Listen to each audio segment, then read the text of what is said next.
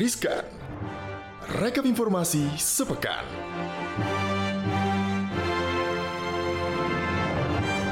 Halo Sobat Cuan, apa kabar? Hai. Selamat tahun baru Happy New Year. Happy New Year Har- tahun baru, harapan baru, ya kan? Rambut baru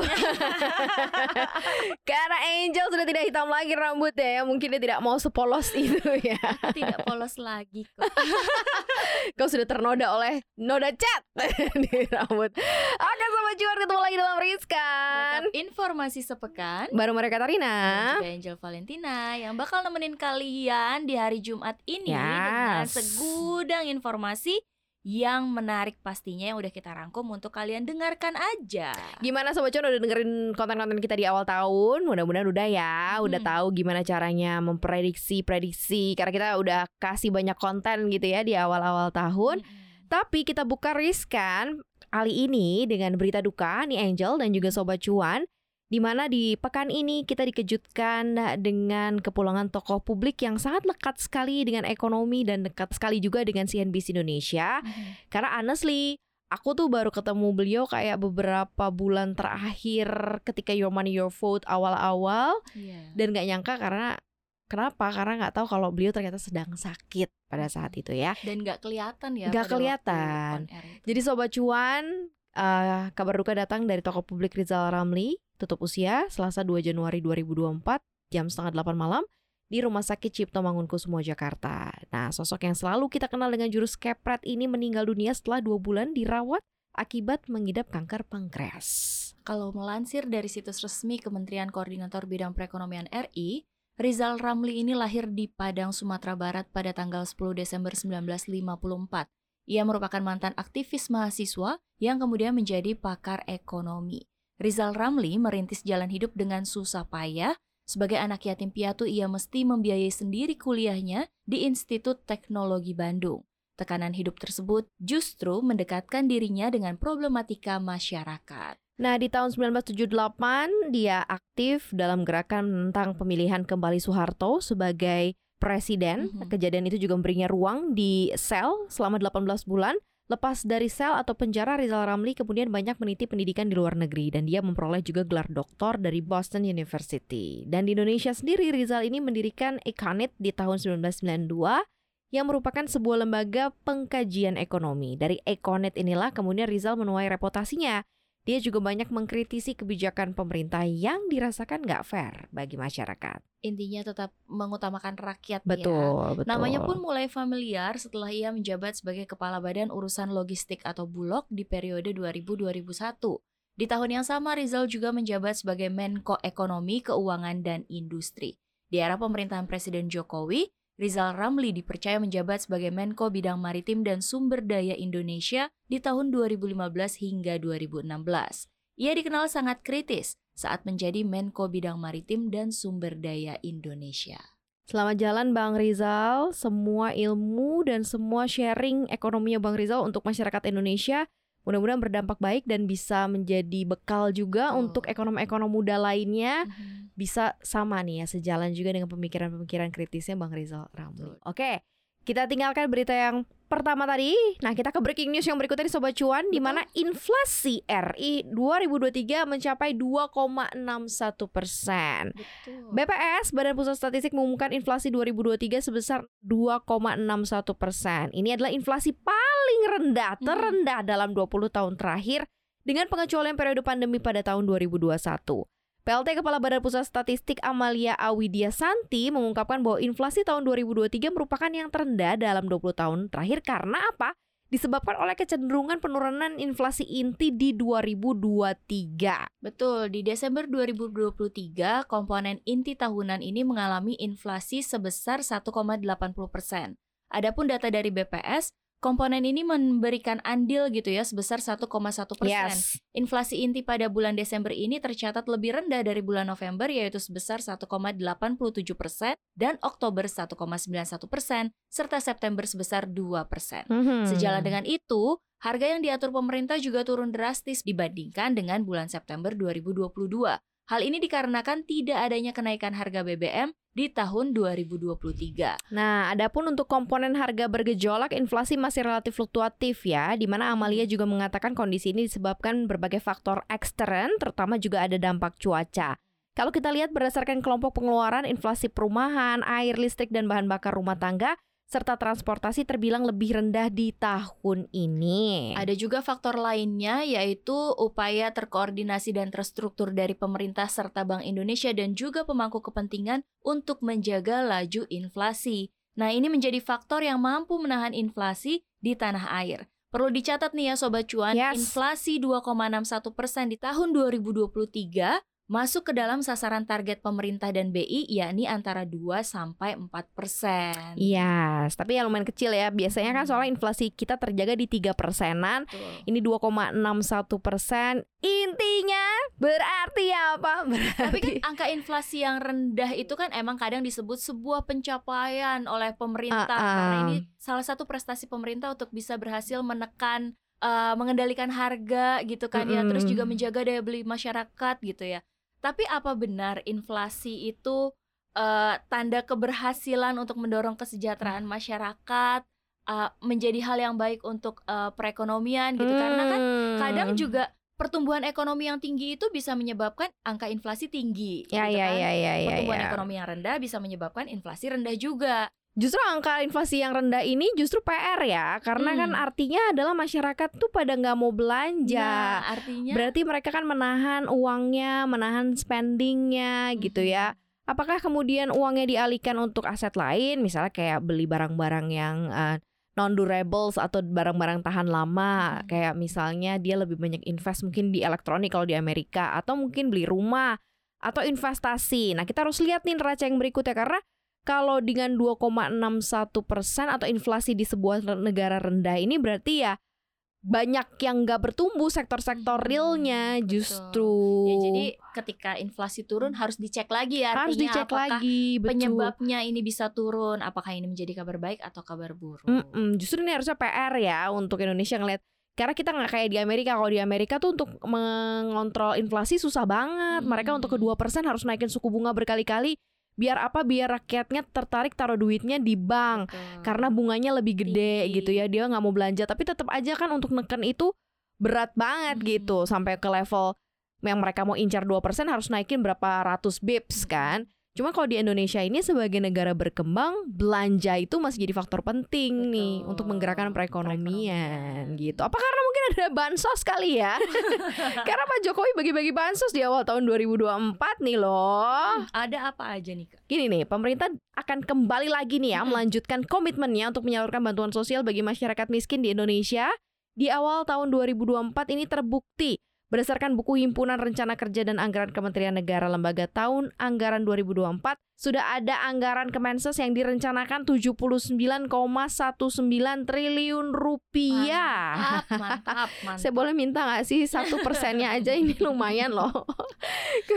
Satu persennya aja udah gede ya. Satu persen buat untuk hutang-hutangnya.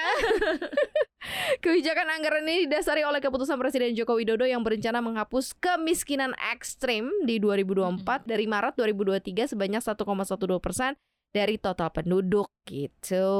Besar anggaran itu juga naik gitu ya dari perkiraan atau outlook anggaran Kementerian Sosial di tahun 2023 yang sebesar 77,33 triliun rupiah. Mayoritas untuk 2024 ini diarahkan untuk program perlindungan sosial. Dari anggaran tersebut, 98,57 persen atau 78,06 triliun rupiah dialokasikan untuk program perlindungan sosial dan 1,43 persen atau 1,13 triliun rupiah dialokasikan untuk program dukungan manajemen. Nah, pemerintah ini sudah menyiapkan ya, Hmm. Sobat Cuan, sejumlah bansos yang cair nih di awal 2024 ya. Pertama, BLT El Nino. Ini kan karena musim kemarau yang panjang ya, pemerintah Hmm. menyalurkan bantuan bernama bantuan langsung tunai atau BLT El Nino ke 18,8 juta keluarga penerima manfaat. Penyaluran BLT El Nino dimaksudkan untuk meningkatkan daya beli lagi masyarakat nih ya. Karena kenaikan harga sejumlah kebutuhan pokok. Adapun nilainya mencapai Rp400.000 per keluarga penerima manfaat. Yang, kedua, apa ada nih? bansos beras. Bantuan pangan beras 10 kg yang telah disalurkan oleh pemerintah sejak bulan April 2023 ini akan terus disalurkan kepada keluarga penerima manfaat hingga bulan Maret 2024. Terus ada program Keluarga Harapan atau PKH nih ya, di mana Hmm. bantuan PKH juga akan diteruskan di tahun 2024, di mana PKH dibagikan secara empat tahap dalam satu tahun dan tahap satu dibagikan bulan Januari sampai Maret, tahap 2 April sampai Juni, tahap 3 ini Juli Oktober, terus yang keempat Oktober hingga Desember. PKH diberikan untuk membantu masyarakat tidak mampu khususnya dalam aspek kesejahteraan, pendidikan dan kesehatan, di mana PKH kesehatan akan memberikan BLT PKH kepada ibu hamil dan anak juga anak balita eh, sebesar 3 juta per tahun ya. Per tahun ya ini ya. Hmm. Kemudian untuk pendidikan pemerintah memberikan anak-anak SD bantuan sebesar 900 ribu rupiah per tahun. SMP satu setengah juta per tahun, SMA 2 juta per tahun. Nah untuk tujuan kesejahteraan, keluarga yang memiliki anggota berusia di atas 60 tahun dan juga penyandang disabilitas ini akan menerima 2,4 juta per tahun. Betul. Wait, wait. Kalau misalnya gue punya anak nih, gue gue penerima nih keluarga bantuan eh, dapat dapat bantuan nih ya Hmm. BLT punya anak SD, SMP, terus SMA. SMA, terus ada orang tua Punya balita punya balita lumayan nih kalau dihitung itu gede juga loh lumayan ya tapi per tahun ya. per tahun ya ini sobat cuan ya Betul. Ada bantuan yang keempat, bantuan pangan non tunai atau BPNT. BPNT diberikan kepada keluarga penerima manfaat dengan kondisi sosial ekonomi 25% terendah di daerah pelaksanaan. Bentuknya ini berupa kartu keluarga sejahtera yang salah satunya dapat digunakan di e-warung terdekat. Meskipun namanya bantuan pangan non tunai Mhm. gitu ya, masyarakat tetap mendapatkannya dalam bentuk uang sebesar Rp200.000 per bulan dan dibagikan dua bulan sekali, sehingga dalam satu tahun ada enam tahap penyaluran dan keluarga penerima manfaat ini akan menerima Rp400.000 dalam sekali pencairan. Dulu bantuan ini itu namanya program Raskin. Kemudian Mhm, penyaluran mhm, Raskin diganti menggunakan kartu elektronik. Kartu ini bisa digunakan untuk membeli beras, telur, dan bahan pokok lainnya. Harapannya masyarakat bisa mendapatkan gizi seimbang bukan hanya karbohidrat, melainkan juga protein. nah kemudian ada program Indonesia Pintar atau PIP di Mhm. mana Kemendikbudristek memastikan bahwa PIP akan berlanjut di 2024 dari catatan Kemendikbudristek ini alokasinya di tahun 2024 ini ditujukan untuk 18,59 juta SD, SMP, SMA atau SMK. Mhm. Adapun bantuan dana PIP ini untuk siswa jenjang SMA atau SMK meningkat dari 1 juta pada 2023 menjadi 1,8 juta pada tahun ini. Nah, Coba gitu. cek sobat cuan ada yang jadi penerima manfaatnya Mm-mm, kah? harus gitu dicek ya? dulu ya nih karena kan nggak Hmm. semua bisa dapetin ya ada syarat dan ketentuannya untuk bisa mendapatkan penerima manfaat bantuan sosial. Tapi ini memang kayaknya cukup eh, membantu ya untuk masyarakat seperti yang waktu itu gue pernah cerita ya bahwa gue punya mbak yang kerja sama gue Hmm. memutuskan untuk tidak lagi bekerja karena memang mengharapkan bansos dari tempat tinggalnya dan dia rasa cukup. Cukup. Iya, dan dia Untuk rasa hidup cukup. selama sebulan dari bansos gitu Ah-ah. ya. Jadi dia nggak perlu lagi katanya eh, kerja keras gitu ya. Hmm. Tapi mungkin ya orientasi hidup orang beda-beda ya.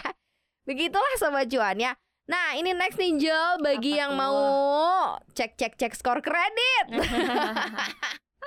Kemarin kita ngobrolin ini ya kak. iya iya iya. Lo ngomong soal slick slick terus kata gue BI checking. Iya sekarang tuh slick. oh Slick, iya namanya BI checking gitu. Jadi slick. gue masih kayak nggak tahu. Ternyata BI checking itu sekarang sudah diganti sobat cuan. Ya jadi BI checking sekarang udah diganti namanya Slick dan bisa dicek ya Hmm. untuk eh, daftar utang Anda gitu ya.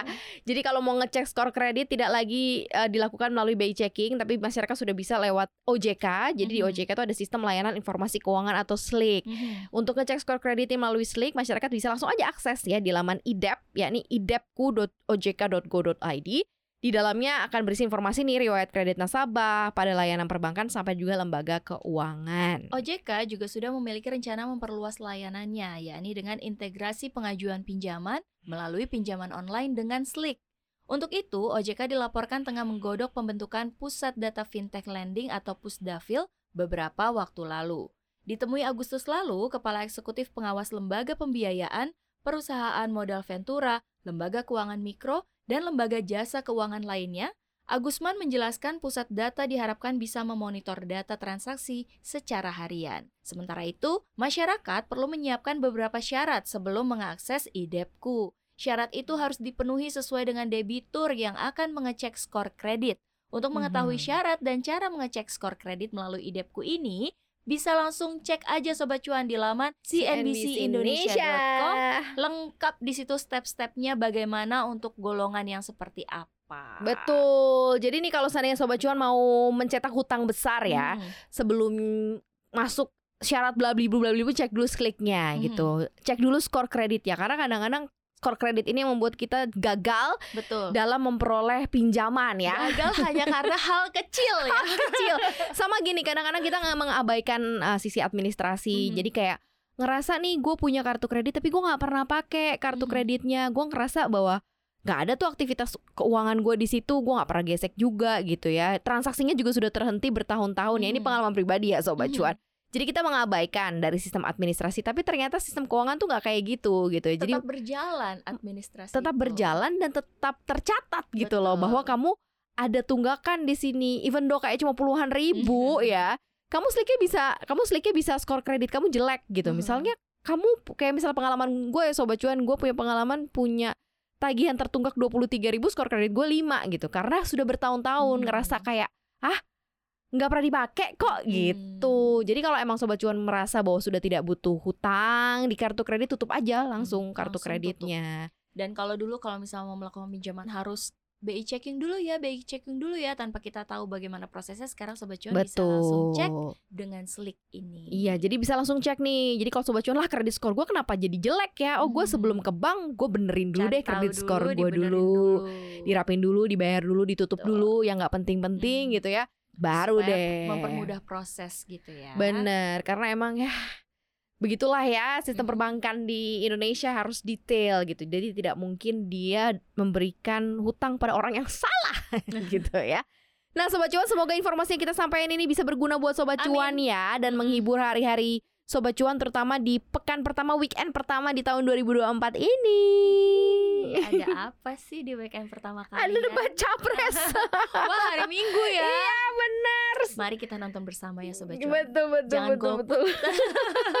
Jangan lupa untuk dengerin kita di mana aja. Kita ada di Spotify, Apple Podcast, Google Podcast, dan juga Anchor. Jangan lupa follow Instagram kita di @cuap_cuan. Subscribe juga YouTube channel kita di Cuap Cuap Cuan, like, share dan juga komen ya Sobat Cuan. Terima kasih udah dukung terus Cuap Cuap Cuan, terus dukung kita ya supaya Yes. kita bisa memberikan konten-konten keuangan yang jauh lebih oke-oke lagi buat Sobat Cuan. Pastinya. Jangan lupa 2024 tema kita adalah work life balance ya. Work life balance, play hard, work hard. Thank you Sobat Cuan. Angel Bye. Maria pamit. Happy weekend.